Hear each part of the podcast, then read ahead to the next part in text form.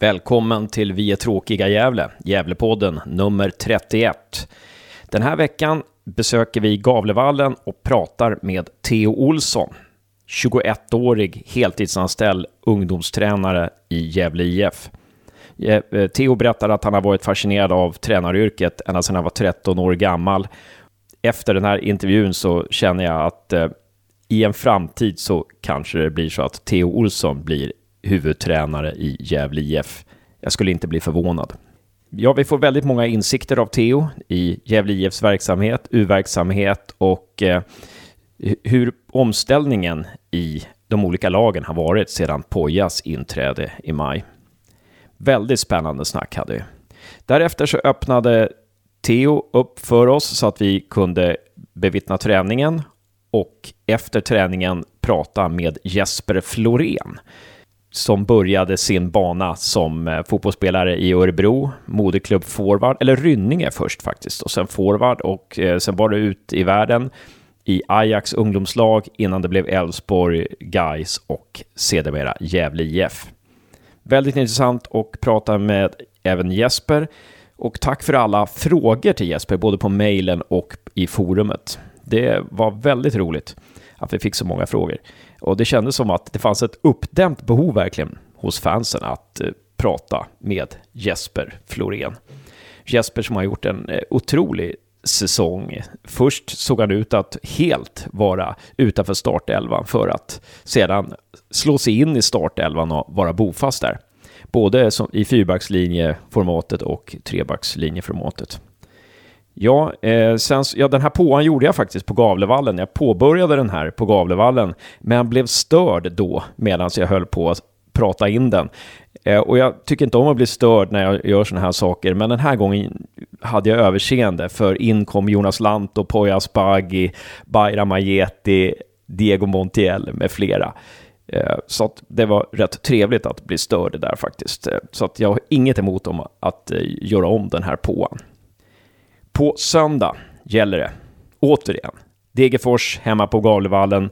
Jag hoppas att många sluter upp nu, för det här är alltså sista chansen i år. Får, får vi hoppas. Vi vill inte ha något kval hemmamatch. Vi vill inte ha något kval överhuvudtaget. Vi får hoppas att det är sista chansen i år att se Gävle IF under Poya Asbaghi. Och det är ett Gävle IF som eh, ja, vi nästan aldrig har sett dem förut. Och det är kanske sista chansen också att se Bayram Ajeti i Gävletröjan. Så kom, ställ upp i horder och kom på ståplats och heja fram Gävle IF. Nu på söndag blir det också dags för eh, Carrick-läktaren att dela ut eh, sitt pris till Gävles MVP för 2017. Det kommer nog ske före matchstart. Så det är ytterligare en anledning att komma till Gavlevallen på söndag 15.00 börjar matchen. Nästa vecka hoppas vi att vi får prata med Gävles MVP för 2017.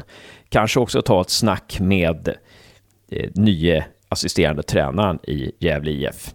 Vi vet inte. Det är det som är spännande att göra den här podden. Vi vet inte vad nästa vecka innehåller helt enkelt, lika lite som ni. Men den här veckan vet vi, och det vet ni också nu, så det är bara att lyssna på. Ses på söndag. Hej!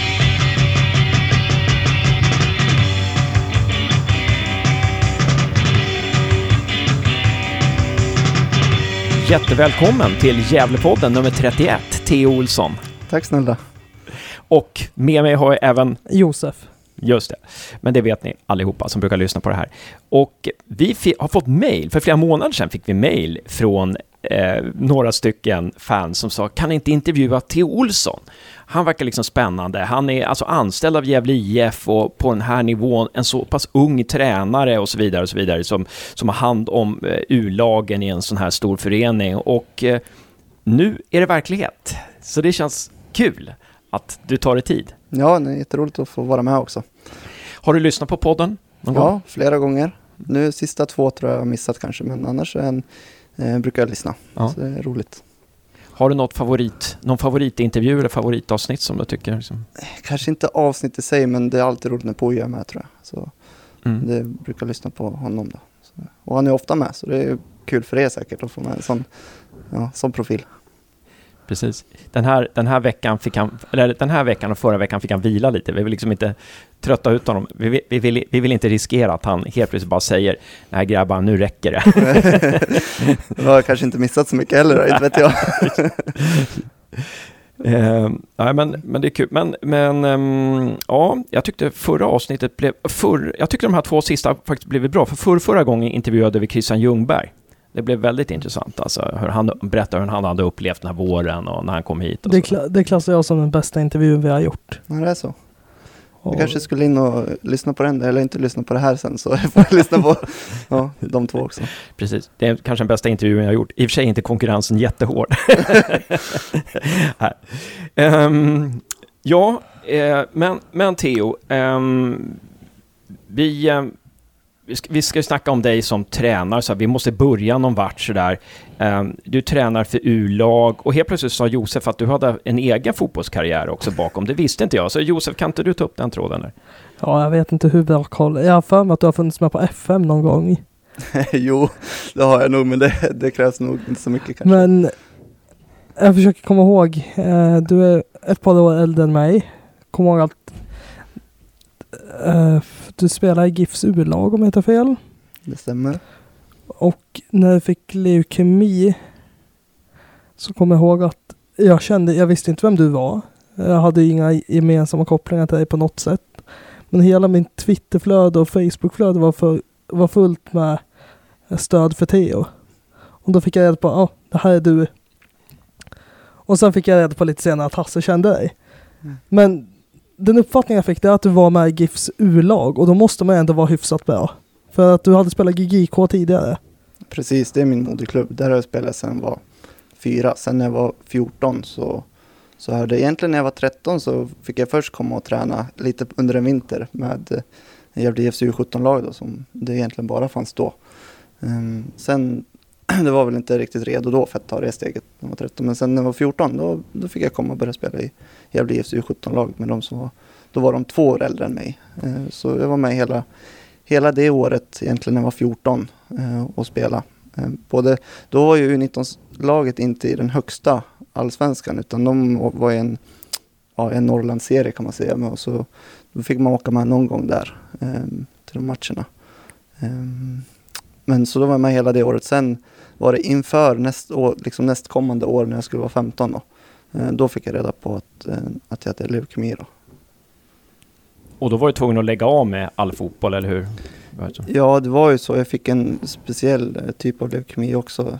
Som med ett, ja, en Philadelphia-kromosom heter det, om vi har någon läkare som lyssnar. Så då, då är det liksom intensiva behandlingar i stort sett under ett, ett år eh, ungefär i olika block. Så det var ju inte aktuellt att kunna spela. Alltså man var ju glad att man ens kunde eh, inte leva, det trodde jag alltid. Men jag minns jag fick så mycket beröm när jag satt i en rullstol och kastade en boll till och pappa. Liksom det. Så det var, det var inte för tanke att spela fotboll då. Nej. Och sen så efter det, så, sen dess så la, sen la du av med din aktiva karriär liksom efter det liksom? Nej. Nej. Nej. Jag, jag kom tillbaka i, jag spelade ungefär ett halvår med U17 eftersom jag, det var ju året då när de skulle vara ett år äldre så då hade jag ett år kvar i U17 liksom så då kunde jag spela ett halvår med U17 och för även fast konditionen var liksom riktigt dålig. Jag minns när man kom tillbaka och vi joggade i två led liksom. Bara, bara la man sig efter fyra omgångar och bara frågade vad händer? Jag har inte ens börjat hoppa än. Så, ja, nej, men, så, eh, men det blev bättre och bättre och sen jag var kvar i U19 också och spelade så Ja, nej, jag, jag la inte av då utan jag gick till Söderhamn också efter U19 eh, spelarna. Man, det räckte inte till för A-laget och då fick man ta sig vidare. Så då gick jag till Söderhamn en kort period men det hittade, hittade väl inte riktigt rätt där. Samtidigt som jag var tränare här och det är faktiskt på det spåret som det blev att man, ja så de la av. Jag spelar fortfarande i GIK lite grann men det finns ont om tid till att spela själv. Så, men jag gjorde ett försök men det var så roligt liksom att vara tränare här. Och det gjorde i och med sen när Roger fick sparken och det flyttades träna lite, att då fick jag en fråga om att jag skulle vara huvudtränare för U16. Eh, och då, jag tyckte att det var så roligt så då bestämde jag mig, men jag kommer ändå inte bli någonting som spelare. Så, eh, och jag tycker att det var så roligt som tränare, så det var där jag bestämde mig egentligen att nu kör vi på det här. Hur kom du in på tränarvägen? Till att börja med. Alltså jag har alltid älskat fotboll, inte bara liksom klackar och tunnlar utan varit intresserad rent ur ett eh, taktiskt perspektiv. Jag Eh, suttit som, men, när man var 13 år och liksom eh, analyserat individuella spelare och räknat antal lyckade passningar, eh, antal touch de har haft, klockat dem hur många sekunder de har haft bollen och liksom alltid varit intresserad av kanske lite andra saker än bara just klackar och tunnlar. Och fra, faktiskt under min sjukdomsperiod också, när man inte kunde spela själv, blev det väldigt mycket fotbollstittande. Och analysera därav.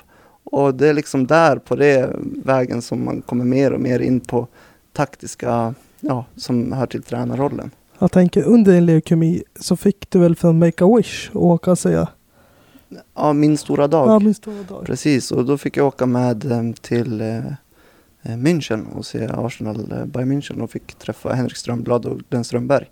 Käka lunch och efter det så fick jag även fortsätta åka till Premier League-studion en gång och hänga med Henrik Strömblad. Så var roligt det. Men det var- hade kanske inte någon koppling till tränar, Nej, tränarvägen riktigt. Men det var, det var roligt att få, få göra den resan också. Ja, intressant alltså.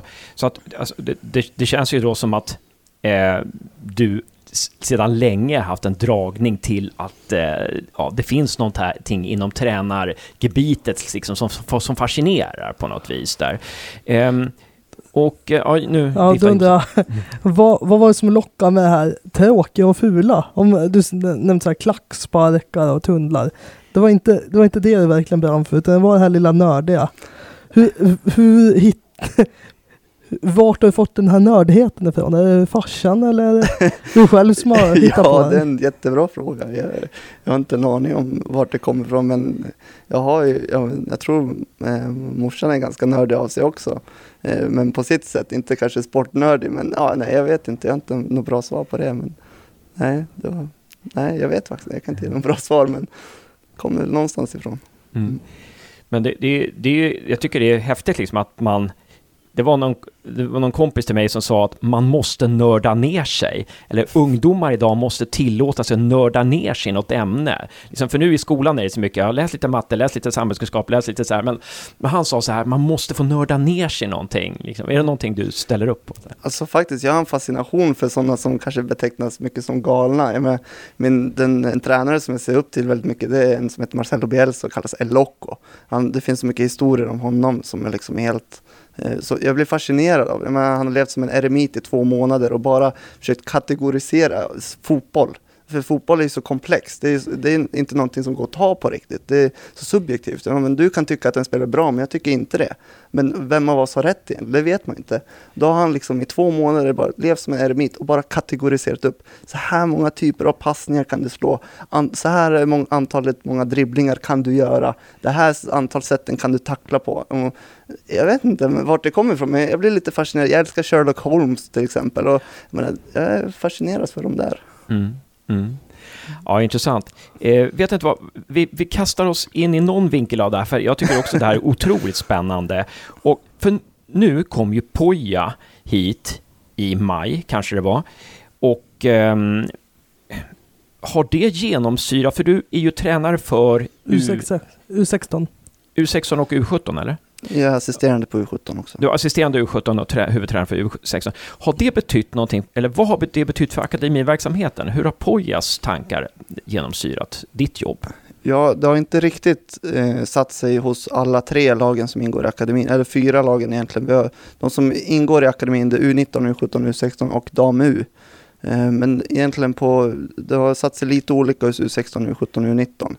På U16, där jag har hållit till, eh, som jag kan prata bäst för, och det där ändrade vi totalt efter sommaruppehållet. Även Poja kom ju lite innan, men vi fortsatte med att spela eh, formationen 4-4-2, använda som positionsförsvar och spela ganska hyfsat direkt spel ändå. Men direkt, Vad menar du med direktspel? Att eh, inte kanske spela genom lagdelarna, att spela upp via mittfältet och forwards därefter, utan att man, det var okej att söka från mittback, kunna söka en forward liksom. Ett, ett poänggivande spel och inte ett. Jo, men nu vet jag inte om det gav så mycket poäng, men, Nej, nej, ta- men den typen. Ja, absolut. Grundtanken är ett po- poänggivande system som, hur ska man säga, det var det GIF använde sig av länge, att man slår boll upp, ja, upp från mittback till anfall, låser fast, kommer man efter, fyller på, spelar ut, slår ett inlägg, mål.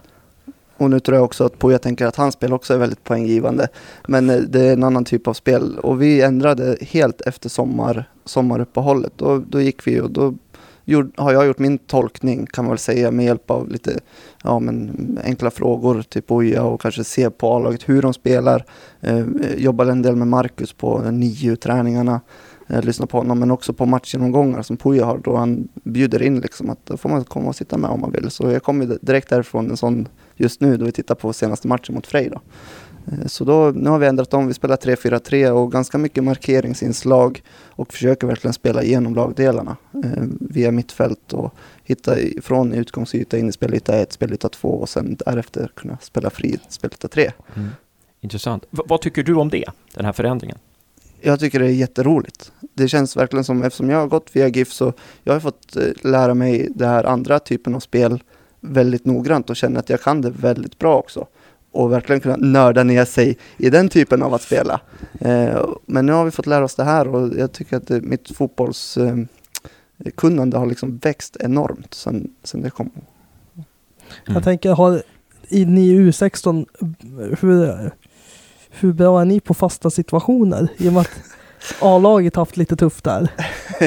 ja, vi har ju några som kan nicka in den. Jag tror nog att vi snittar lite bättre och det är svårt att vara sämre. Men ja, vi är sämre på annat istället. Ja, just det.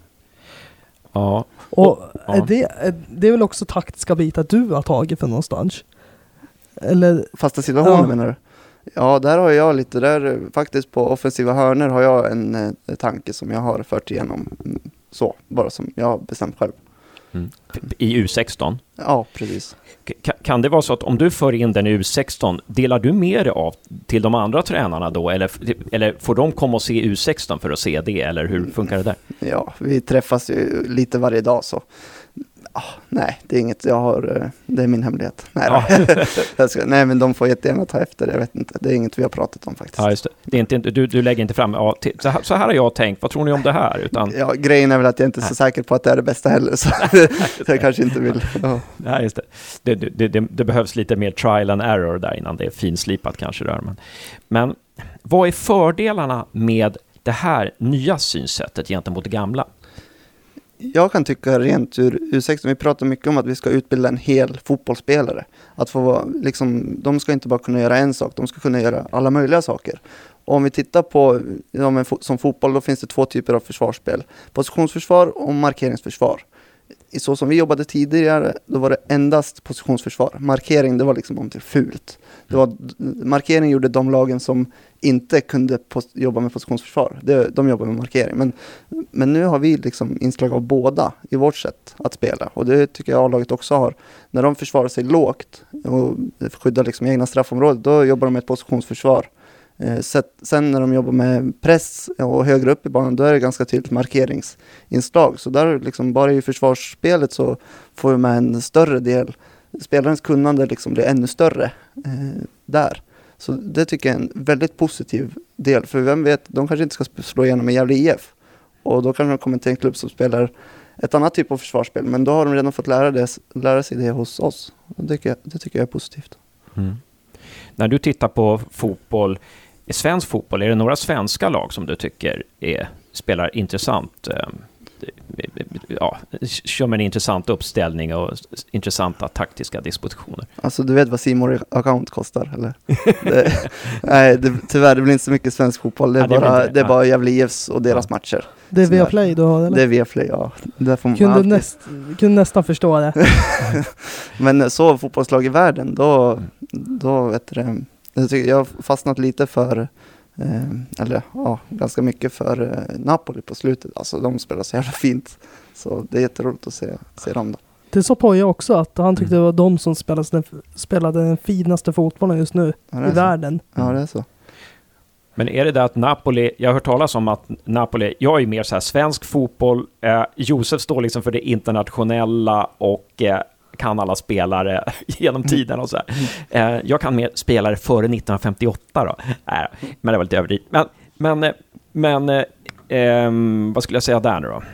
Annars har jag en fråga till. Nej, men vänta. Att det var någonting där med, med eh, svenska spel. Ja, men kör ditt. Kör ditt. Nej, du kollar rätt mycket på internationell fotboll ju. Och sen när du får riktlinjer att hur du ska utbilda en fotbollsspelare här, slår inte det emot, eh, Eh, som det var tidigare, slår inte det emot din egna fotbollsfilosofi? Jo, det kan det absolut göra. Grejen är väl att jag är, det här är mitt andra år. Jag har inte så mycket erfarenhet och jag tycker att det är jättebra om jag kan få lära mig att spela på det sättet. Då. Så, men om några år då kanske jag skulle vara stor på mig och säga att nej, så här, det här kan inte jag stå för. Så här jobbar inte jag med mina lag. Men så där jag är idag, då liksom jag välkomnar all, all kunskap och vill lära mig så mycket som möjligt bara. Så att jobba på det sättet kan vara jättekul och så får jag jobba på ett annat sätt en annan gång och jag vill bara lära mig massor. Jag menar, jag kommer inte bli en eh, A-lagstränare när jag är 25 liksom, utan jag behöver så mycket kunskap som möjligt bara så att jag kan lära mig. Mm. Hur gammal är du till att börja med? Jag fyllde nyss 21. Ja, men nu kommer jag ihåg vad jag skulle säga. Men Napoli, vad jag förstår så spelar Napoli, de har inte några liksom uttalade forwards, utan alla kan vara med och anfalla. Är det lite så? Att, liksom, lite mer totalfotboll? Så här. De anpassar sig väl ganska mycket efter motståndarnas positioner, liksom, precis som A-laget är här. Letar efter liksom, eh, mellanrum och förhåller sig till det. Så ja, det kan man väl säga att det är mer ett rörligt anfallsspel. Mm. Mm. Man ska kunna hota på massa olika sätt. Liksom. Ja, de jobbar väldigt mycket med principer. Mm. Principer i spelet. Inte kanske tydliga, um, vad ska man kalla inte tydliga rotationer. Den gör alltid så. Den, så här går bollen alltid i alla våra uppspel. Utan det är mer principer. Ja, felvänd släpper till. Ja, uh, spelare ställer, den här spelaren ställer sig i hål. Uh, och principstyrt liksom. Då blir man mycket mer svårläst också. För motståndarna antar jag. Ja. Det, det låter väldigt enkelt de har brutit ner det svåra till det enkla på det sättet. På något sätt. Att, att alltid ta den enkla vägen ut som eh, felvänd till rättvänd. Mm. Det är egentligen en uppenbar sak, men om man har det som princip så. Det är roligt det där, för det, eh, faktiskt igår så hade jag en spelare i U16 som ville prata med mig efter träningen. Han sa, alltså, Theodor, jag, jag klarar inte av det här. Jag, jag tänker så mycket och det, jag blir så arg på mig själv. Jag tänker ut hur bollen ska gå i förväg och sen går den inte så. Och det, det är så jobbigt hela tiden att behöva tänka om hela tiden. Då tog jag fram min mobil, visade ett, ett klipp från Twitter på Napoli när de släppte från felvänd till rättvänd tre gånger om och slutade med att eh, från eget straffområde tog sig upp och sköt. sköt. Och liksom, ja men titta på det här, det här är helt fantastiskt. Men de gör inga svåra grejer. Bara, Nej, det gör de inte. Nej, så då kanske man inte behöver göra det mest fantastiska varenda gång. Det enkla kan bli fantastiskt om många gör det liksom. Och då blev man lite så här, ja, faktiskt, ja, och började fundera så. Nej. Intressant alltså. Mm. Det enkla kan bli fantastiskt om, om många gör det. Upplever du att Poja, att Poja har hittat sitt sätt? Eller tror du att Pojas sätt att jobba med Gävle just nu är ett sätt att jobba med de spelare vi har för tillfället? Ja, det blir spekulation. Jag tror nog att han är ganska nöjd. I och med att han, vi hämtar väl ändå in, var tre eller fyra i sommar? Och de tror jag han fick sätta ganska stor prägel på. Kralli Montiel, Gutierrez, Ajete. Igor. Igor, ja. Mm. Ja, men eh, alltså jag tror nog att han är ganska nöjd men fortfarande så allt kan ju bli bättre liksom. Men ja, nej, det, jag vet faktiskt inte. Ja, jag, jag, jag, tänker så här att har han sin filosofi, så här vill jag att Gävle ska spela, eller tror du att han kommer in och tittar på, aha, vilka spelare har Gävle? Ja, då spelar vi så här. Det är, ja, det är nog en kombination tror jag, för jag tycker att han verkar smart och då tror jag man tittar mycket på vilka spelare man har. Och det behöver inte vara så stora förändringar, men bara så här, om kanske bygger vi upp spelet från vänster eller höger beroende på vad har vi för typ av mittback. Vi kanske bygger upp från höger därför att vi har en högerfotad mittback som är duktig på det. Liksom. Eller bygger vi upp från vänster och vi har en, det, det kan vara små liksom, ändringar som ger väldigt mycket beroende på spelartyp. Men, ja. Jag tycker det har Poja sagt till oss ju tidigare när vi har frågat när skillnaden mellan orm och Ajeti. För att när de hade Oremo då anföll de på ett annat sätt som fick fram hans kvaliteter. När vi har Ajeti där som centralstriken så anföll de på ett annat sätt för att få fram, för att få fram hans kvaliteter. Så. Mm, så att, det, ja, precis. Det, det, det, precis. Vi... det stryker ju under Theos tes där, helt, helt klart. Alltså. Um, men ditt jobb är att som coacha U16 och så är du assisterande U17. Är det någonting annat som ingår i din tjänst här? Liksom, som, som du ska... Vart ska jag börja? jag, jag, förstår, jag förstår men- ju liksom att man får göra jättemycket i. Man får tömma sopor och man får göra ja, allt möjligt. Ja, men det vet jag. Ja, men så här, alltså, för att jag är oerhört privilegierad liksom, som kan få göra det här på heltid. Ja. Men då innebär det också att man får göra väldigt mycket om man ska få ihop det till en heltidstjänst. Så liksom, min tjänst består väl av flera delar, vilket är um, att dels vara tränare på U16 och U17. Sen har jag högstadiefotboll med Prolympia som ligger här också, Okej. eh, måndag, torsdag, fredag. Och så har jag NIU-träningen som är eh, gymnasieskolornas fotboll tisdag, onsdag månader också. Eh, och sen däremellan har jag lite ad- administrativ del ehm, i form av kanske boka lite planer och så. Ehm, nej men så jag är ju här. Jag kom hit ja, ungefär vid åtta i morse och sista träningen började sju så jag lär väl vara hemma ja, runt tio. Det är ungefär. Ja, så, men det blir mycket tid här men jag klagar inte. Jag är jättenöjd. Alltså, jag är glad att jag får lägga så mycket tid på fotboll. Och jag gör mina Beatles-timmar nu brukar jag säga. Jag är i Hamburg och spelar massor för att sen kunna ja, Precis, skörda frukten. Så. Precis, precis. Jag har ju också mina Beatles-timmar. Men jag ver- verkar inte kunna skörda någon frukter någonstans. Nej, uh, uh, tramsigt skämt. Um, vad, rolig, vad rolig liknelse, liknelse där, Beatles-timmarna. Det var verkligen kul. Ehm, men U16, alltså kan man säga att U16 det är ändå din, ditt huvuduppdrag, eller? Jo, så skulle jag säga det också. Så, ja. Ja, det är det som tar mest tid kanske. vem, är, vem är huvudtränare för U17 då? Som du? I början av säsongen var det Gustav Larsson. Sen, eh, ja, han hade ungefär likadant eh, liv som mig, bara att han hade en familj också. Eh, Mm. Så det gick inte ihop. Eh, Nej. Så nu är det Carlos Santis eh, som tränade Strömsberg och Hilde förut. Just det. Som kom in efter sommaren. Ö, är- hur, hur, snackar ni någon fotboll eller hur, hur skiljer sig, liksom, måste ni vara överens om hur U17 ska spela eller hur funkar det att vara assisterande då? Ja, det, det har skilt sig lite del, eller, ja, en del mellan Gustav och Carlos. Och det är naturligt när det är två olika tränare med olika värderingar och sådär. Eh, Men vi pratar mycket fotboll och inte minst delar vi klipp på Twitter om Napoli och Real Betis och många fina eh, så. Så vi pratar en hel del fotboll. Mm. Sen behöver vi inte alltid vara överens alltid. Men det, i slutändan kommer det vara han som tar besluten. Eh, Och det eh, köper jag helt. För så är det ju 16, då är det jag som står och tar det slutgiltiga beslutet. Ja. Men så att U17-träningarna, de lägger han upp då, eller lägger ni upp dem tillsammans? Lite olika beroende på. Det är inte alltid samma, men han har nog lagt upp de flesta och hållit de flesta. Ja, Men det är inte alltid så. Utan, ja just det. Och, och, men du lägger, och, lägger du upp U16-träningarna då? ja, för det mesta. Ja. Absolut. Hur, hur tänker du där då? Tänker du liksom att träningarna ska vara olika, att det ska vara nya moment varenda gång? Eller hur tänker du där? Nya moment, gamla moment och sådär? Det där har också ändrats väldigt mycket från bara ja, sen efter sommaren. Då. Och, eh, nu jobbar vi otroligt mycket med olika spelövningar. spelövningar. För jag, nu har jag ändå bara varit tränare i två år, men jag är redan trött på spelare som kommer helt fantastiska på att passa från punkt A till punkt B i en passningsövning. Men när det kommer till spel, då får de det väldigt svårt. För det är så mycket olika saker som händer, olika löpningar. Försvararen kommer lite från vänster, lite från höger och så blir det bara pannkaka av tekniken. Och där, då tror jag att då gör man tekniken på ett mycket bättre sätt i ett spel. Så eh, vi jobbar otroligt mycket med spelövningar, både U16 och U17 för tillfället. Jag, sitt, Ja, jag sitter och ler endast för anledningen att jag var en spelare som kunde passa från punkt A till punkt B. Med spelövningen så var det tufft. ja, ja, ja, men, Men, men liksom att det kan bli för mycket huvud, för mycket liksom teori och för lite praktik. Det är bättre att göra det i praktiken. Är det lite så, eller? ja, kort och gott kanske. Det är väl att Ja. man kan få in mycket mer under en spelövning än vad man kan få en rak passningsövning. Det är väl att du får med alla bitar när det är en spelövning. Du får du med passningar, rörelse, huvudet, lite hur man ska stå i vinklar och allt möjligt. Medan Mm. en passningsövning, då kanske du får med teknik på hur du slår en passning. Men på den nivån du tränar just nu så ska man ju kunna det. Men det är inte så värdefullt då.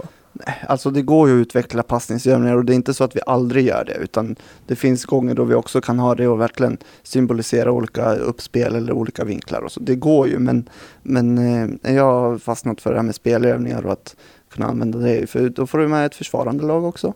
Ja, hur vi sätter press. Ja, men just det, alltså, men så här, jag kan bli lite knäpp nu när jag, eftersom jag precis har gått tränarutbildningarna eh, i fotboll. Och sen vet jag att det skiljer sig ganska mycket på de nya tränarutbildningarna jämfört med de gamla.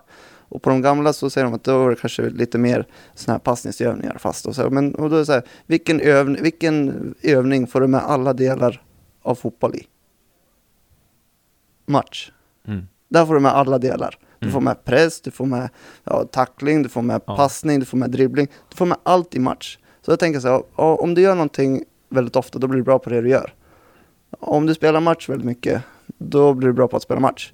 Och vad gör vi på fotboll? Jo, vi spelar match. Alltså, för mig är det ganska logiskt. Men sen förstår jag att det finns ju nackdelar med att spela ja, 11 mot 11 varje träning. Då, ja, men visst, då får man inte så mycket touch och allt det där. Men någonstans att då får man bryta ner det till mindre spel, 2 mot 2 och 3 mot 3. Och man, vi blir bra på det vi gör. Och ni blir bättre på att podcasta efter, att, efter ett tag. Ja, men, och då borde vi spela match. Jag förstår inte hur man har tänkt tidigare egentligen, om jag ska vara kritisk. Lite att få ner det här, att få det till matchsituationer oavsett. Ja, ja helt klart. Men jag tänker också det här för att föra in nytt. Ja, men så, spelare som går in och tränar eh, så varje vecka så här, må, måste ju känna att om jag var spelare så här så skulle jag känna liksom att åh, ännu en träning så här, att man, åh, jag vill inte göra samma sak. Alltså, jag, jag kan tänka mig att man måste föra in några nya grejer, så här, nya moment, så att det blir lite kreativt och spelarna får tänka till eller så här. Eller hur, hur ser du på det där? Jo, det tror jag också. Men det finns, alltså, det är människor och människorna är väldigt olika. Vissa skulle tycka, kanske mår bra av att göra samma sak vecka ut och vecka in och trivs väldigt bra i det. Medan andra hela tiden vill ha nya stimulin. Utan, så det är nog väldigt eh, individuellt hur man känner. Eh, vi har ju Torinos förra tränare som tränar i Italien nu. Jag tappar namnet på honom. Men eh, jag vet Norling hade tagit in mycket av honom och han har ju liksom samma veckor. Vecka ut och vecka in. Björn Andersson som var heter det, ungdomsansvarig i Bayern München var och lyssnade på honom. Han sa att äh, men vi hade tydliga scheman. Den här, det stod det tisdagar månad, då ska vi ha två mot ett.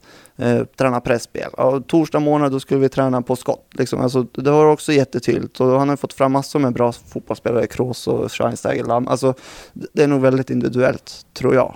Eh, men för mig som tränare är det roligt att göra lite nytt åtminstone. Så.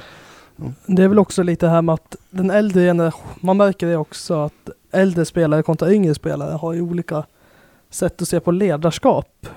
Eh, uh, försöka tänka på, det var någon bok det stod där, det här stod i, om det var Klas Ingessons bok. Den är fantastisk. Att eh, när de bytte, när han fick sluta i landslag, de hade tagit in så många yngre. Då var det ett annat tankesätt de yngre ville ha på ledarskapet.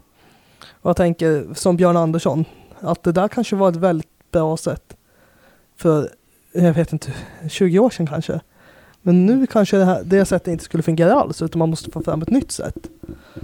Jag vet inte vad jag ska komma med här. Ja, men det var, det var ju jätteintressant. Du, du, liksom, du utvecklar, eller du, du stryker under Theos tankar där om. Ja, kanske. ja men det- så är det ju. Samhället förändras och nu har vi massor med narcissism och då måste vi liksom kop- ä- ändra oss till det i vårt ledarskap kanske. Tidigare kunde man vara ja, på ett annat sätt. Det tror jag helt klart.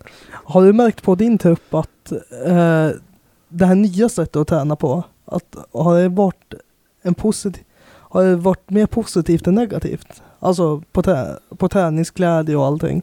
Jag tycker helt klart mer positivt. Annars skulle jag nog inte heller göra det, utan väldigt positivt. Bara, jag tycker utvecklingen på spelarna efter ett halvår, eller knappt ett halvår ens. Jag, menar, jag vågar knappt tänka på hur mycket bättre det kommer bli om vi fortsätter liksom till nästa år. Ja, det, eh, så jag ser jättemycket positivt ur det. Och jag tror, jag tror att de flesta uppskattar det också. Alltså uppskattar att de tycker att det är väldigt roligt med spelövningar. Det tror Mm. jag. Men det är ju spännande det som händer med, med GIF nu. Alltså det är liksom en helt ny, en ny klubbdirektör, ny tränare, ny ordförande, nytt spelsätt sådär. Hu- hur, det, det känns som en, en otroligt ny podd, nej, men det känns som en otroligt liksom, skarp skiljelinje mellan det gamla och det nya på något vis där. Ehm, och eh, kan, det bli lite sådär att man börjar, ja, att man tänker så här, du, du är lite inne på det där, vad höll vi på med tidigare liksom? Den här, det här, att man tänker att den här, det här förnyelsen borde ha kommit lite tidigare. Nej, jag menade ju inte Nej, hur jag- vi jobbar i. Gävle IF, utan det var ju Nej. bara fotbollstränare generellt. Liksom. Ja, Att, tra- fotbollstränarutbildningen kanske mer. Ja. Men, men eh, det har ju funnits liksom helt rimliga anledningar varför man jobbat på ett sätt tidigare och varför man jobbar på ett sätt nu. Det är ju som vi pratade i ledarskapsfrågan, att den förändras. Ja, men det är såklart fotbollen också förändras. Det är väl klart man jobbar på olika sätt nu än för tio år sedan också. Så det är väl bara rent naturligt. Men när du spelar fotboll, om du, hade du velat arbeta på ett annat sätt? Hade du velat träna på det sättet ni tränar på nu eller nu, då du spelar, var du nöjd med det sättet? Alltså eftersom jag inte lyckades så tror jag jag känner att jag kom upp i fel tid. men, men nej, jag, jag, generellt sett så, eftersom jag är väldigt nöjd med det här sättet så tror jag nog att jag hade uppskattat det här mer. Mm. Ja, jätteintressant Theo. Eh, vi har säkert glömt massa intressanta vinklar på det här, men det får vi ta någon annan gång. Men eh, om vi ska gå till Gävle IFs A-lag. Eh, vi ska snart, jag och Josef ska snart flytta upp i mediatornet där och vänta in Jesper Florén. Men eh, du såg ju, jag har ju sett delar eh, av Frej-matchen, Gävle IF Frej där, om vi ska ta en liten snabb så här, matchanalys av den. Gävle vinner med 3-0. Några tankar som du har efter att ha sett den? Ja, att de var överlägsna. De lyckades med många delar av sitt spel. Ehm, framförallt anfallsspelet. Så det, det, var, det var inga konstigheter, det var bara städa av matchen. Det var, det var skillnad kan man säga. Och jag tycker det är så fascinerande. Alltså, jag brukar kunna sitta med på Pojas matchgenomgångar inför match. Och efter de genomgångarna via video då, som inför Frej, jag var helt säker på att vi skulle vinna. Jag är, varenda gång går jag ut från eh, rummet och känner att vi kommer vinna. Jag är helt säker på att vi kommer vinna.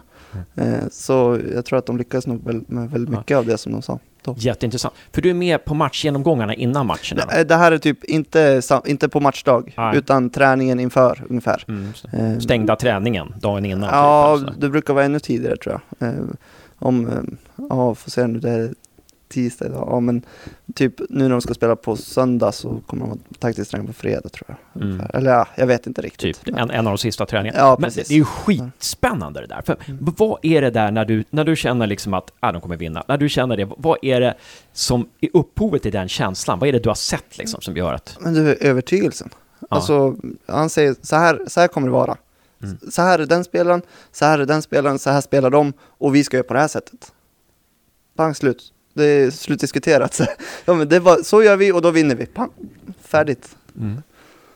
Tänker, var du med på Thomas genomgången någon gång? Eh, nej, det var jag inte. Eh, inte så mycket. Nej. Nej, jag hade varit, var du med på Roger Sandbergs något? Nej, det var ju före min tid. Mm. Ja, du tänkte en jämförelse ja, med matchen? någonting med någon jämförelse. Precis, ja. vi kanske kan, kan, kolla det med någon spelare. Vi kan kolla det med Florén till exempel. Eh, det är en intressant fråga. Men, men alltså, så att Poja är ganska säker på hur det kommer se ut på planen. Eh, men får, det du måste, alltså när du känner så här att vi kommer ta det här, det måste ju också betyda att du känner att spelarna uppfattar det här ganska, att spelarna köper det här eller Och tror på det. Tror på det, eller? Det, det tror jag, absolut. Jag är, jag är ganska bra kompis med flera av dem. Jag minns bara så här, i, ja, nej, men eh, det tror jag verkligen. Mm. Men, och så ibland går det ju fel. Liksom. Ibland blir det ju en fel, som mot Norrby hemma. Liksom. Då blir det ju en liksom så här, lite fel analys där. Då.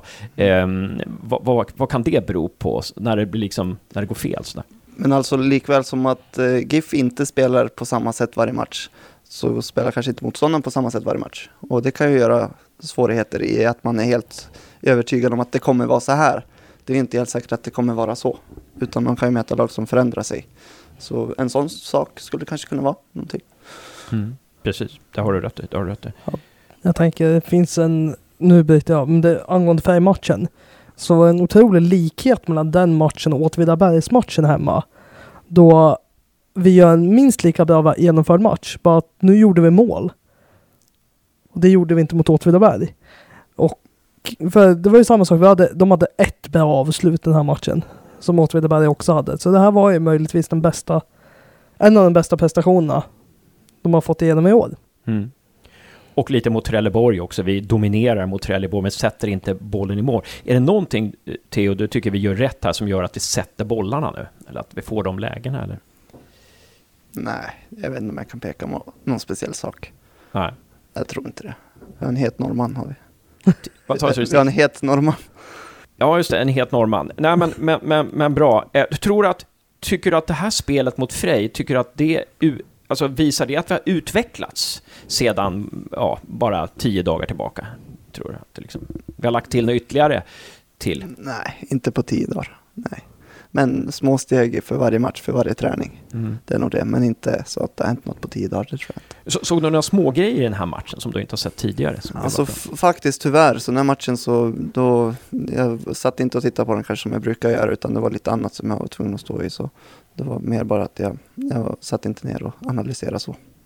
Riktigt. Men jag vet, jag var ju och lyssnade på genomgången nu efter precis, när de tillsammans med laget då. Så du, du sa också att du kände några spelare. Har du märkt skillnad på deras humör, deras beteende från den lägsta, alltså det, jag antar att du har gjort det, att från lägsta dippen till hur det är nu? de mår ju helt klart bättre. Men om det är eh, vad det beror på, alltså nu vinner vi, då förlorar vi.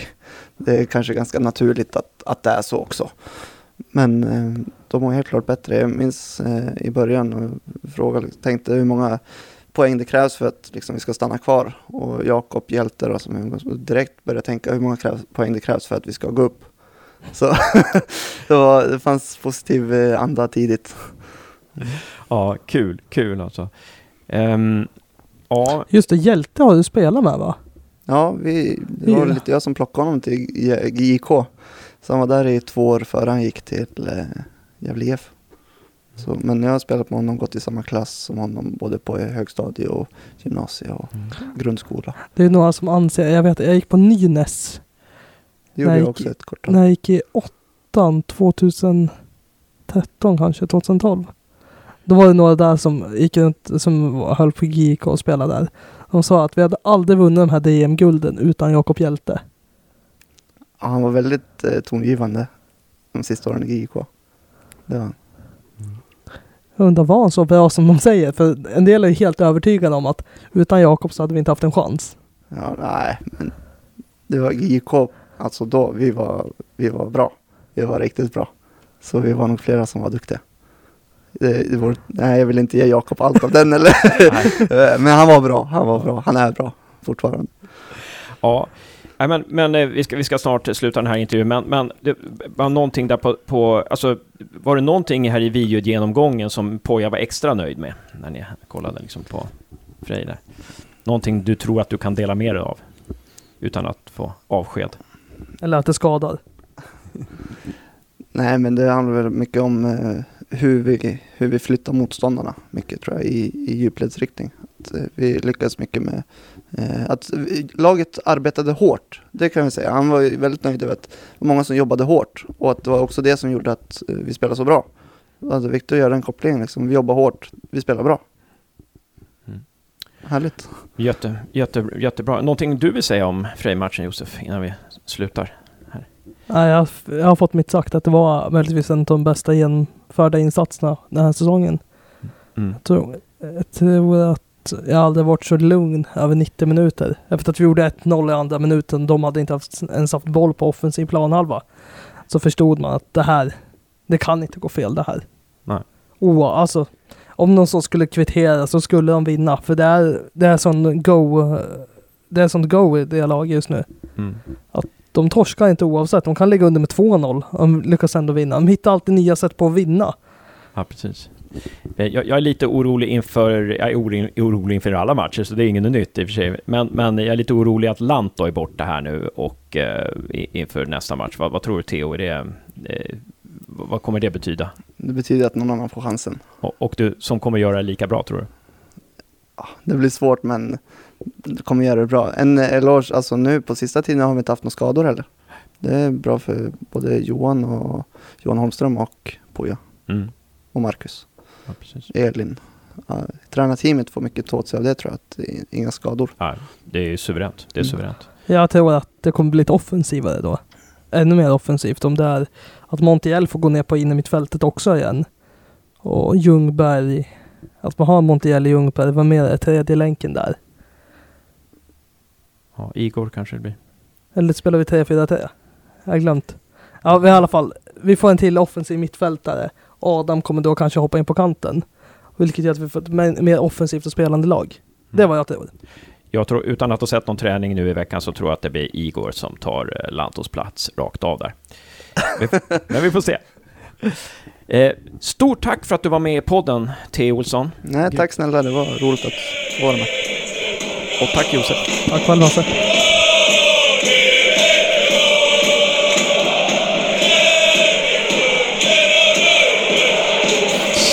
Stort välkommen till Gävlepodden Jesper Florén. Tusen tack. Eller ska man säga Jeppe? Eh, de flesta brukar kalla mig Jeppe. Eh, I alla fall de jag känner. Liksom. Ja, ja precis. Eh, och vi har fått jättemånga frågor från fansen här. Eh, så vi, vi tänkte vi börjar med dem. Absolut, kör på. Vi tänkte börja nutid, så tänkte vi gå till Ajax lite och lite sånt där. Och, så, och sen så får, får, du bara säga att nu har inte jag tid och så får du gå. det låter bra. Det låter, ja. Då är det eh, en med signaturen Blue in Heart and Mind som frågar eller som skriver först att det var en felfri insats mot, mot Frej här Jesper. Eh, var det din bästa match för i år? Frågar han. Oh, ja, bra fråga. Eh, ja, en av de bättre var det nog. Eh, sen blir man alltid lite färgad av hur det går för laget. Eh, och vi vinner med 3-0. Eh, har full kontroll matchen igenom, så ja, en av de bättre i alla fall. Mm. Och, om, vi vilken, vi hade en följdfråga där då. Uh, är det någon annan match som du tycker har gått extra bra, som är någon toppmatch för dig?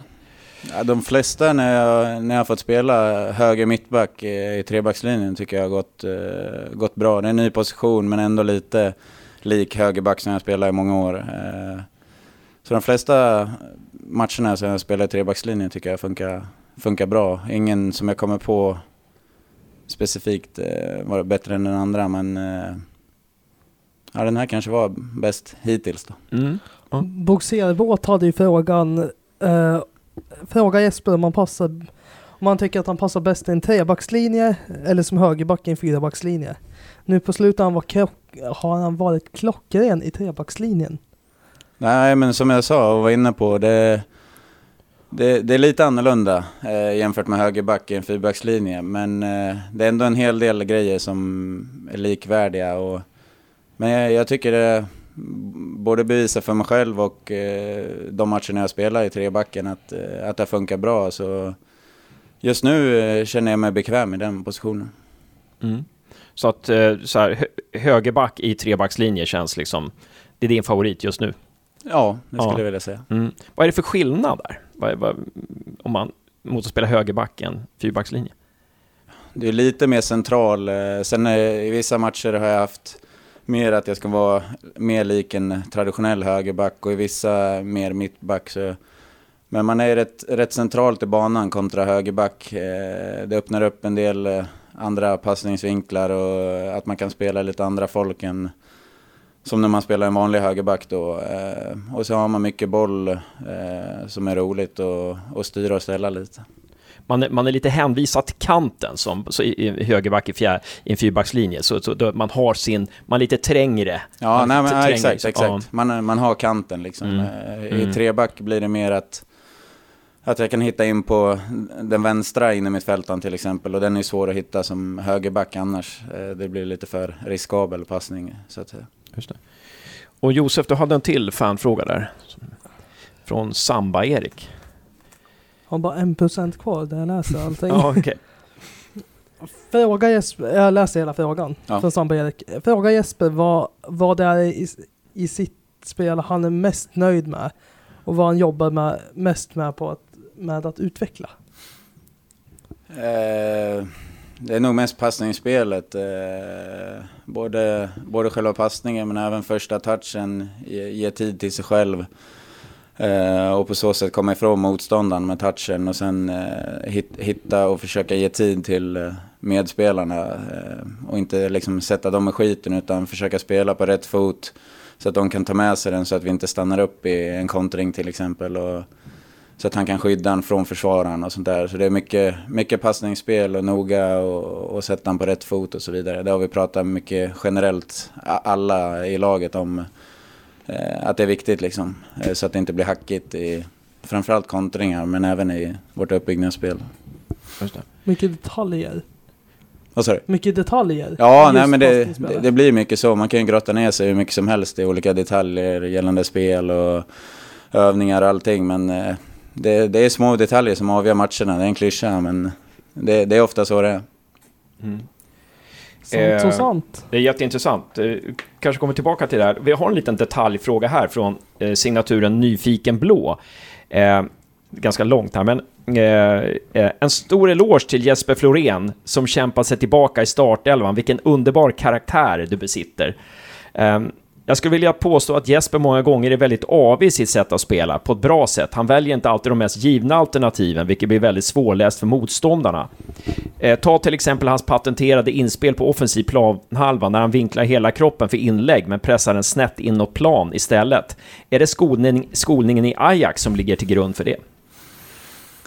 Eh, ja, det var en lång fråga, för att tacka först. Eh, ja, jag, jag blev ju, eller jag har åkt lite eh, in och ut från, från elvan där i, i somras. Och det enda som gäller är ju att kriga sig tillbaks, göra sitt bästa på träningarna, ta för sig och visa att man ska spela. Och det tycker jag jag har gjort. Och det har synts i mitt spel nu också när jag fått spela igen liksom. Och det är det enda, enda man kan göra. Eh, Det går inte att tycka synd om sig själv och, och liksom skita i det. Utan det är bara motbevisa att, eh, att de har fel eh, när man inte får spela. Och sen när man får spela att man får ta chansen. Och sen, eh, vad var det om passningarna? Ja, det, Att maskera dem lite? ja, precis. Är det skolningen i Ajax som ligger bak, bakom det? Nej, det skulle jag inte säga. Men det kanske började där. Men sen har blivit bättre och bättre med åren. Men det handlar om att göra det så svårt som möjligt för motståndarna. Och, och kan, man, kan man göra det genom att maskera passning eller göra någonting som eh, får dem ut, ur balans så, så kan det gynna oss. Och det är väl det man försöker göra. Mm. Intressant. Det, det, det vi tänkte på, alltså du kom ju in mot Åtvidaberg tror jag. Eh, då, då var du liksom den stora överraskningen i startelvan. Oj, här kommer Jesper Florén in. Och du gör en sån jädra bra match. Alltså, det är ju, jag vet inte hur du kände då, men det kändes som att du var klockren i den matchen. Ja, det, det gick bra så länge jag fick spela. Och, och så, jag var ju också där, så blev du utvisad. Hur Ja. tänkte du då? Jaha, nu har jag... Nu är det kört här. Nej, först och främst var det jag hoppas de håller eh, segern så att eh, det inte blir något på mig liksom. Men eh, det, det räddade de ut så. Men eh, jo, det är klart när man, när man inte fått spela och sen får spela igen och eh, sen tycker jag det är ruskigt hårt rött kort den. Men ja, det är domaren som dömer eh, och ibland håller man med och ibland inte. Men eh, det, var- det var bara att jobba på veckorna som var eh, till matchen efter då och, och se till att få spela igen liksom. Jag tycker det där var helt givet. Alltså det var en jättebra tackling att du tog den där. Ja. För annars hade den fått in ett mål hade den fått lite mer luft. Ja. Det hade varit lång, lång tid kvar. Ja, Poja sa det också att jag räddade väl ett, ett mål kanske i och med det röda kortet och, och sen var det någon i deras lag eh, som tog ett lite mer... Eh, Det var Simon Helg som ja, till när, när han började bråka med Martin där. Eh, och det var väl inte för att hjälpa laget liksom. Eh, men ja, det är klart det är tråkigt när det blir så, men så, så kan det vara ibland. Men när du fick det här röda då, kän, alltså kände du att, att du ändå hade gjort en så pass bra insats att du skulle få starta sen igen? Att du, Ja, jag kände ju att det hade gått bra eh, Mm. liksom, fram, till, fram till det. Och sen som jag sa, man hoppades på att eh, grabbarna skulle hålla ut det, att vi vinner matchen.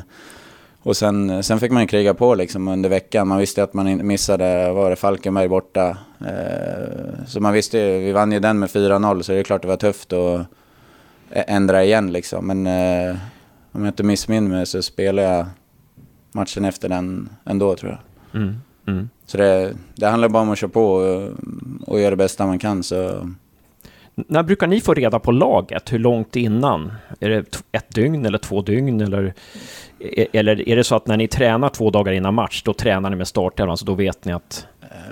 ja, oftast brukar det väl dagen innan, två dagar innan. Det, det är inte så att de, det är klubbat liksom två dagar innan att eh, ni kommer spela. Men eh, det är klart, vi kör ju mycket taktiskt två, dag, två dagar innan och dagen innan. Så då går man ju ofta igenom motståndarna och eh, vad vi ska tänka på och, vad deras styrkor och svagheter är. Så. Två dagar innan, inofficiellt liksom. Så Ja. vet man ju om det. Ja, precis. precis. Eh, nu har du ju haft två ganska offensiva tränare i Gävle. Om vi ska fortsätta grotta oss i Gävletiden innan vi går tillbaka till Ajax, för du har ju haft massa spännande tränare. Du har haft Magnus Haglund och du har haft Axén och sådär. Men, men om du skulle jämföra Roger Sandberg med Poya Asbaghi, de är, alltså, Roger vill ju också spela ganska offensivt när han kom till Gävle där, men fick ju ta ett steg tillbaka i och med att det gick lite dåligt i början och Strömvallen inte kanske passade sig för hans typ av fotboll.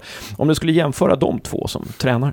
Nej, du är inne på en sak där. Strömvallen, det, det var ju svårt att bedriva eh, det spelet vi, vi bedriver just nu. Eh, Eller det, det var rent ut sagt, det gick inte liksom. Utan eh, jag vet många matcher där vi, där vi låg rätt och där motståndarna försökte spela och tappa bollen i backlinjen och så kontrade vi in 1-0 och höll där sen. Jag tror mer det, det var sämre att försöka spela på den planen. Men nu när vi har eh, en sån här arena med bra underlag så, så inbjuds det till att spela fotboll och, och det har vi verkligen börjat göra redan från början när Poja kom. Och, och vi, vi är på god väg mot något bra och förhoppningsvis så fortsätter det så här. Jag tänkte så här med, med Roger, för Roger vill ju också, ni, ni spelar ju rätt offensivt ett tag där, om det var 2015 på våren där, när ni, ni spelade ut Häcken till exempel borta i första halvlek. Ja. Eh, alltså, och helt otrolig halv- halvlek, så fick de en tveksam straff och så blev Ja, det just 1-1. Men, men till exempel, eh, Roger, vad- om du jämför Poja och Rogers offensiv, liksom deras sätt att tänka där, har du... Roger var väl lite åt det hållet, sen, sen, inte, eh, sen inte lika mycket som Poja är nu liksom. Eh, men också Roger var med i den, eh, det bytet från Strömvallen. Så det gick ju inte att börja med det på en gång liksom. Poja kom ju in med grabbar nu är det så här, nu, nu ska vi spela på det här. Det här är viktigt att, vi, att ni gör som spelare och vi instruerar som ledare. Och, vi, vi, vi hade liksom inget att förlora, vi bara körde liksom. Och han har kommit in med positiv energi och ett eh, spelsätt som, eh, som alla gillar liksom. Och, eh, vi har börjat bra men vi, vi är långt ifrån klara också. Mm. Jag tänker, du kom ju från Gais till, ja, Rogers första år. Mm. Gå från naturgräs på Ullevi, Ja. inte fel, Ja. till en skitmatta på Strömvallen. Känns det inte bara, känns det inte jäkligt konstigt då att gå från ett, ett lag som vill spela fotboll till Gävle som inte ville riktigt, alltså som man inte kunde bedriva den här fotbollen med. Nej. Kände du ett tag att du hade valt fel eller? Nej, så känner jag inte. Jag, jag var ju kvar ett år i Gais eh, när vi åkte ur eh, Allsvenskan och spelade ett år i Superettan. Och, och sen hörde Gävle av sig på vintern där och ville ha mig som låg i Allsvenskan då. Så det var ändå ett naturligt steg och ett naturligt val eh, att gå till Allsvenskan igen liksom. Eh, så det är absolut inget jag ångrar så. Sen förstår jag frågan med gräs till kontra Strömvallen. Jag har ju spelat mot Gävle på Strömvallen också. Man visste ju vad man hade att förvänta sig liksom. Men eh, det gäller att anpassa sig också eh, till båda delar liksom. Men det var absolut inget jag ångrat. Så. Tycker du att du har fått ut mer av dig själv när du kom upp på Gavlevallen? Än, Ja, jag, jag ser mig själv som mer spelande spelare om man ska säga så. Som gillar eh, när mitt lag och jag själv har bollen liksom. Och, så det tycker jag absolut när, det, när vi kan bedriva ett bra sätt, eller bra spelsätt med mycket passningar och sådär. Så det gillar jag betydligt mer för min egen del också. Och sen var du ju med, du var väl med guys som kom femma va, i eh, Ja. eh, Allsvenskan. Och så åkte ni ur 2012. Ja, Eh, stämmer. Året efter. Året efter, precis.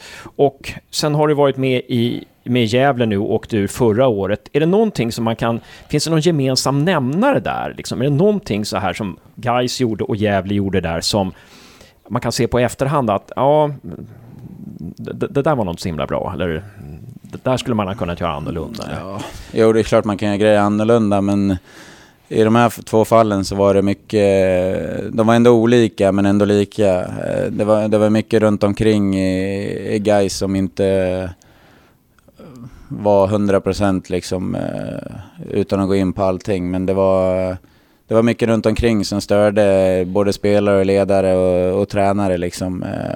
Jag hade en jättefin tid i guys men eh, det, det var mycket det året som inte eh, klaffade både på planen och eh, utanför. Och de har ju fortfarande haft problem med, med ekonomi och så vidare. Eh, Och vi förra året, eh, vi började ju bra de två första matcherna poängmässigt i alla fall och sen, sen kom vi in i en sån här svacka där det kändes i, i, vissa lägen att det spelade ingen roll vad vi gjorde liksom. Vi fick det emot oss liksom. Eh, men eh, allting handlar om, det blir mycket klyschor men det, det gäller att liksom gnugga på och köra på och tro på det man gör och, och jobba hårt så, så vänder det till sin fördel. Eh, tyvärr räckte det inte förra året men förhoppningsvis räcker det i år i alla fall. Jag tänker som i guys året ni åkte ut, då hade ni Axén som sa upp, som sa upp sig.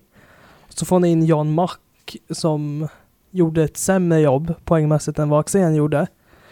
Och sen vet jag att Erik Johansson gick ut och uttalade sig också om att, att jag spelar inte en till match så länge Mack tränar. Du hade tre tränare det året, för efter det tog Askebrand över. Nej, han kom året efter. Året till Superettan. Vi hade... Ja, men han tog över?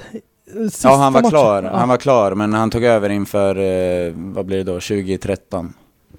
Eh, Superetta-året då, eller första året då.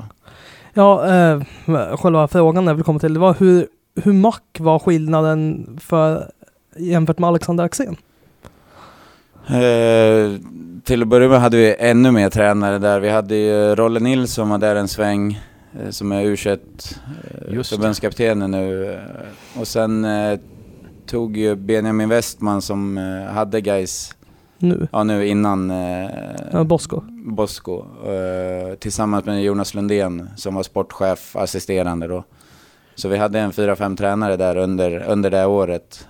Och det blir lite, det är såklart inte bra. Eh, men eh, Axén är en sån, jag känner han sedan tidigare från Örebro. Eh, så han, han, är en skön, eh, skön person och bra tränare.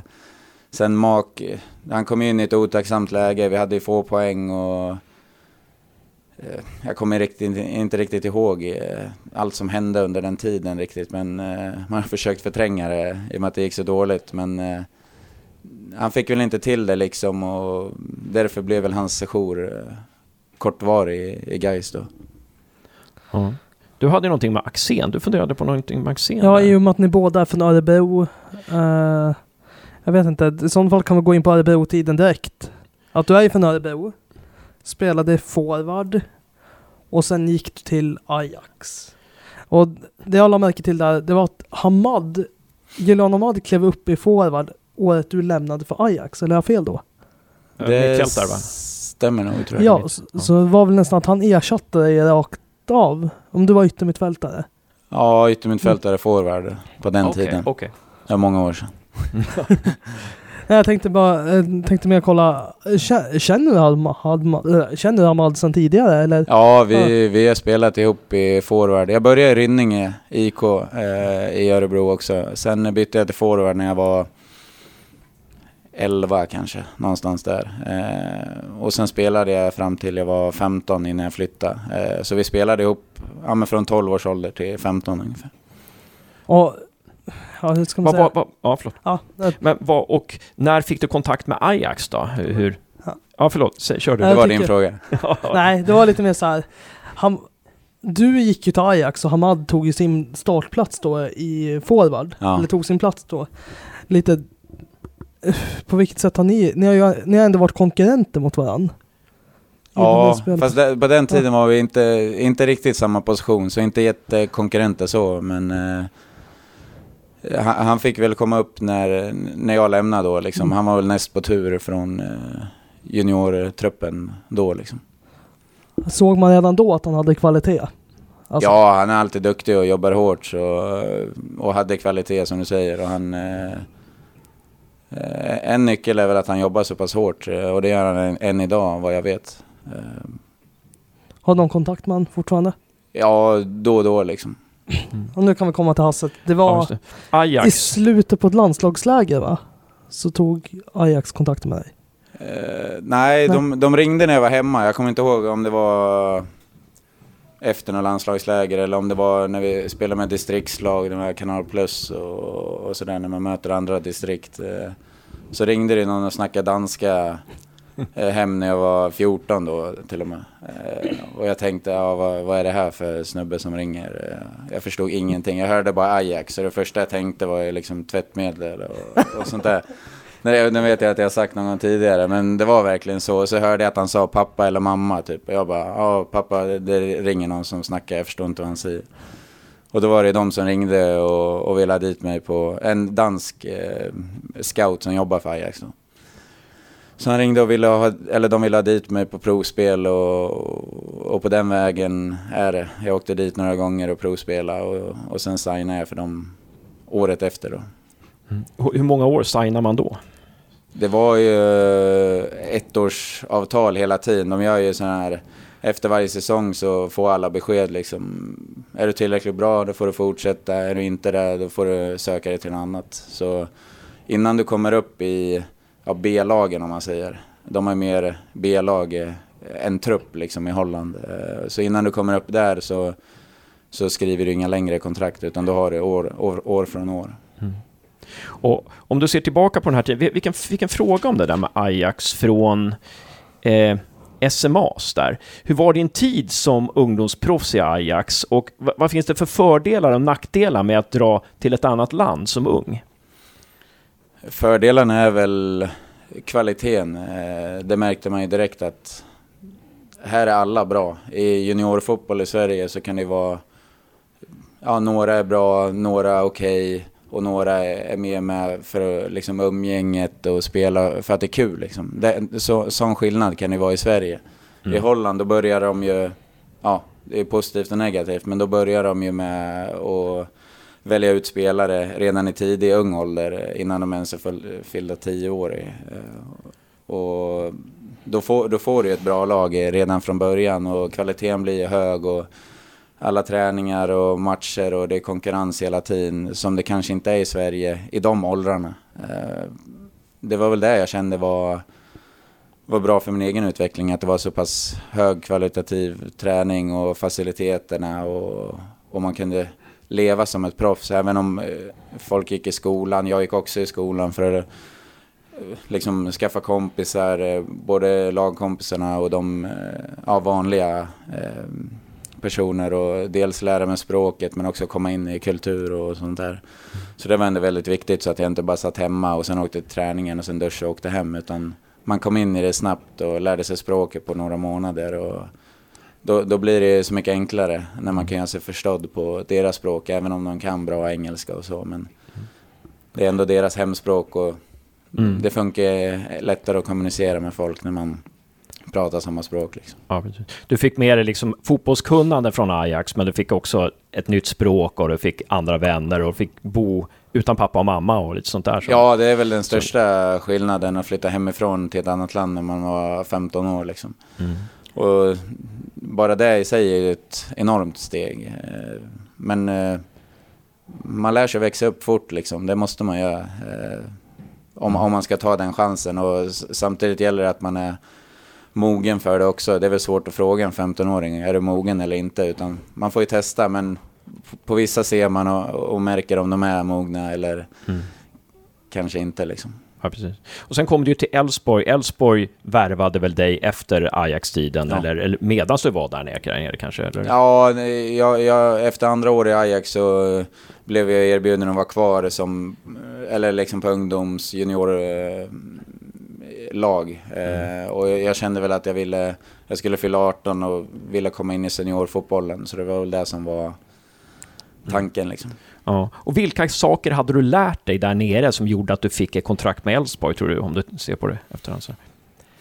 Nej, men det var klart att om man varit ungdomsproffs och, där, eh, och kommer från Sverige så vore det konstigt om folk ändå inte ville ha en så. Sen, sen kanske inte de hade scoutat. Eh, men jag vet ju att de var nere och kollade på mig eh, någon match och var där några träningar och sådär. Så jag visste om intresset och, och när de ändå bemödar sig att åka ner och, och titta upp och kolla läget så då vet man att de var sugna liksom och ville ha en. Så det var ändå ett positivt bemötande. Mm. Men vilka, vilka kvaliteter var det du hade, tror du, som de var ute efter då, Elfsborg?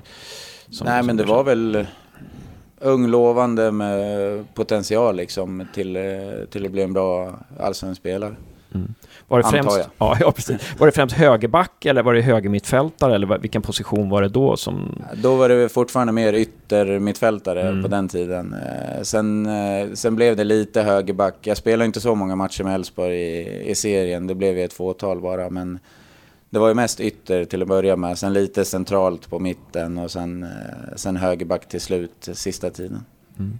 SMAs här, han frågar ju också vilka nackdelar finns det att dra till ett annat land där? Så, finns det några nackdelar som du kan...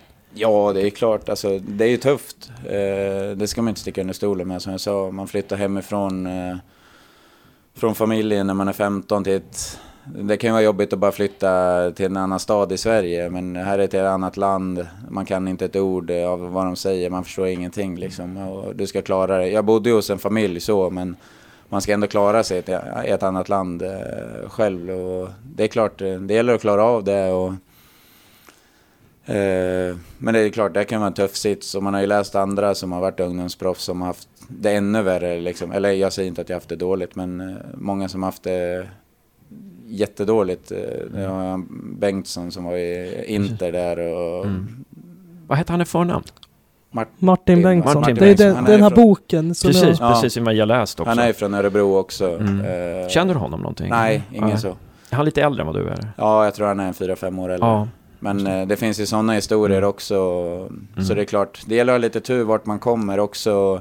Ajax var ju väldigt, eller noga om att man har ju hört att folk liksom, om de kommer att provspela utomlands så kapar de det bakifrån från ingenstans liksom. Men då, där var de väldigt noga med att det tolererar de inte som klubb att man eh, gör så på provspelare som kommer in. Och det är klart, det är ju bra liksom. Man ska ändå få alla att trivas, men sen samtidigt är det konkurrenssituation och alla vill bli proffs eh, Mm. och spela i A-laget. Men ja, vägen dit, eh, det är inte många som tar, tar de stegen dit. Ja. Liksom. John Guidetti hade ju nämnt någon intervju så här, i Citys akademi att det, ibland kunde han få fotbollsskorna uppskurna och sådana där grejer för att det var sån hård konkurrens. Ja. Något sånt var du aldrig med om. Nej, nej, inget sånt alls. Som jag sa, de, de hade liksom som policy att ja, men hade du gjort något sånt då hade de säkert bara skickat iväg dig. Hej, du får inte vara kvar liksom. Mm. Tror jag. De var ändå Ja. väldigt mänskliga. Alltså, de såg inte bara till prestationsspelare. Nej, men eh, det Det var väl var- viktigt för dem att det är svårt att prestera om du inte trivs. Och gör man sådana saker då är det ju kanske den bästa spelaren som inte kommer trivas och då, då tappar ju de den liksom. Det kan ju vara lite så. Man måste ju trivas för att kunna prestera på, på bästa nivå. Och det var väl lite så de tänkte antar jag. Mm. Och Josef, du kollade upp här lite lagkamrater som eh, Ja, du har haft Jesper hade spelat med. Luis Suarez eh, kom samtidigt, var ett år samtidigt som dig i Ajax. Ja, i A-laget var han. Ni kanske gjorde någon försäsong tillsammans, någon träning eller så. Nej, ingen Inte så. Jag var aldrig uppe med A-truppen och tränade Jag så. valde. Ja, okej. Ah, där försvann hela min. Hade du några, var det några andra så här som har gått vidare till eh, eh, liksom, Det var någon lite som- stora lag och så här som du? var någon som ja. tjallade om Daley Blind. Ja, Daley Blint, eh, vi är lika gamla och vi spelade ihop första året i Ajax, eh, som är nu i United. Eh,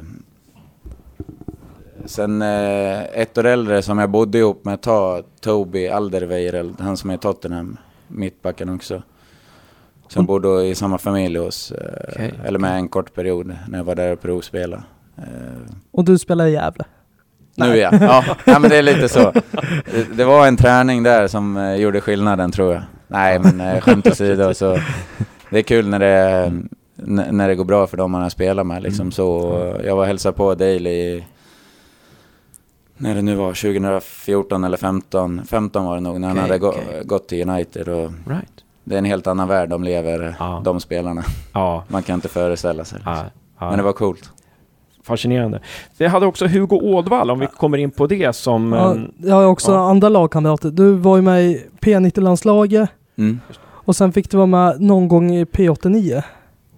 Har, har du sagt själv i någon int- gammal intervju. Att du blev uppflyttad till... Nej, inte vad jag kommer ihåg. Vi mötte, med Ajax mötte vi P89-landslaget. Ah, Okej, De det var, så på kanske. nå, någon, något läger och skulle möta Ajax och Feyenoords eh, juniorlag på, den tiden. Tror jag det var. För jag har inte varit med.